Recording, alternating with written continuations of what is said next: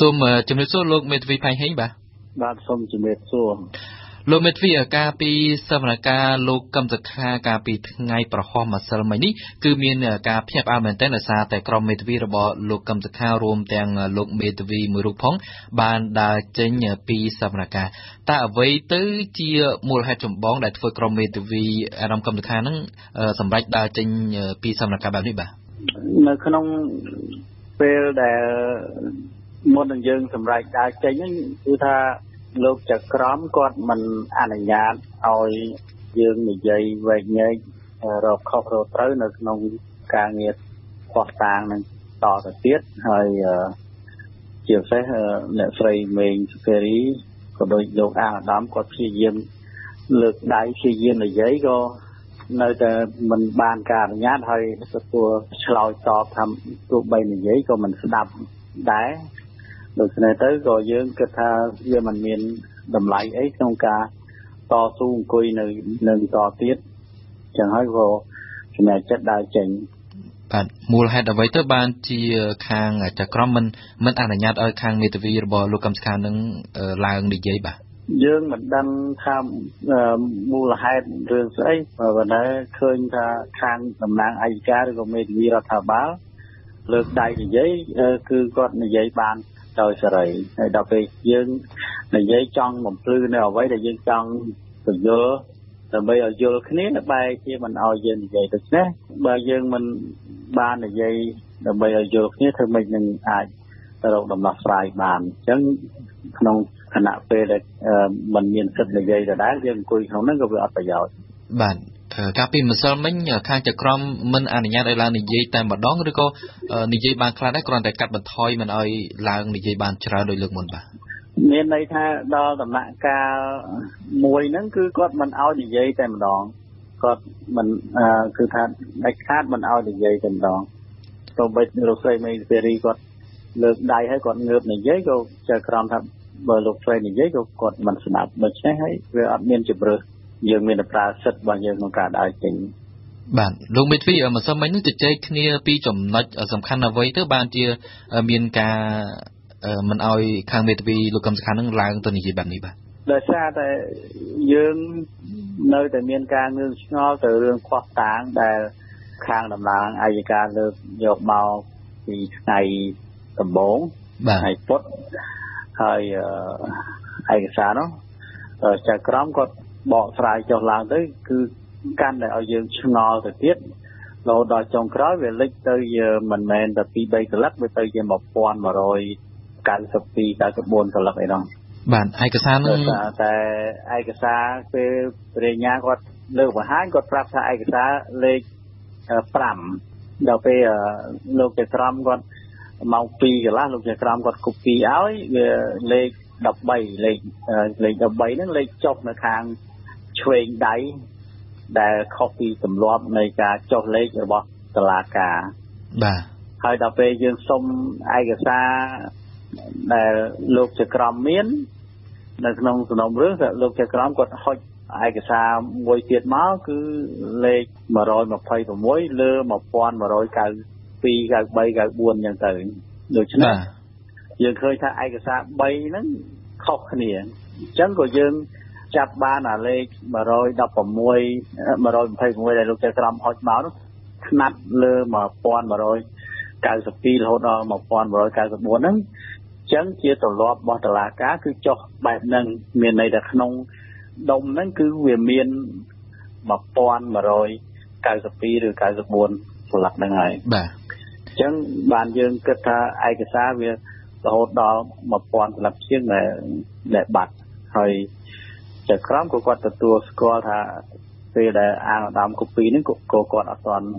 មានឯកសារដែលលោកអាងអាដាមហ្នឹងបាទចឹងហើយវាមិនមានឯកសារនៅក្នុងសំណុំរឿងសម្រាប់មកឲ្យពួកខ្ញុំទៅចែកទេឯកសារនឹងនិយាយមែនតើទៅបាទប្រសំខាន់ទៅលើរឿងអ្វីដែរលោកមេធាវីបាទបានជាមានការតោះគ្នាបែបនេះឯកសារ3 4សន្លឹកដែលលោកចក្រមគាត់គូពីឲ្យយើង គឺជាសេចក្តីថ្លែងការណ៍រួមរវាងគណៈបកសំនោះនិងគណៈបកសំរងស៊ីបាទហើយនឹងរចនាសម្ព័ន្ធរបស់គណៈកម្មការបន្តអាសន្ននៃបកទាំងពីរដែលត្រៀមទៅបង្កើតគណៈបកនយោបាយមួយជាមួយគ្នា វាមិនមានអីអឺធ្ងន់ធ្ងរទេសម្រាប់ឯកសារ3 4សន្លឹកហ្នឹងបាទប៉ុន្តែតើ1000ជាងសន្លឹកទៀតវាមានអីខ្លះចំណុចហ្នឹងដែលយើងចេះដេញរកហេតុផលឲ្យមានតម្លាភាពបាទ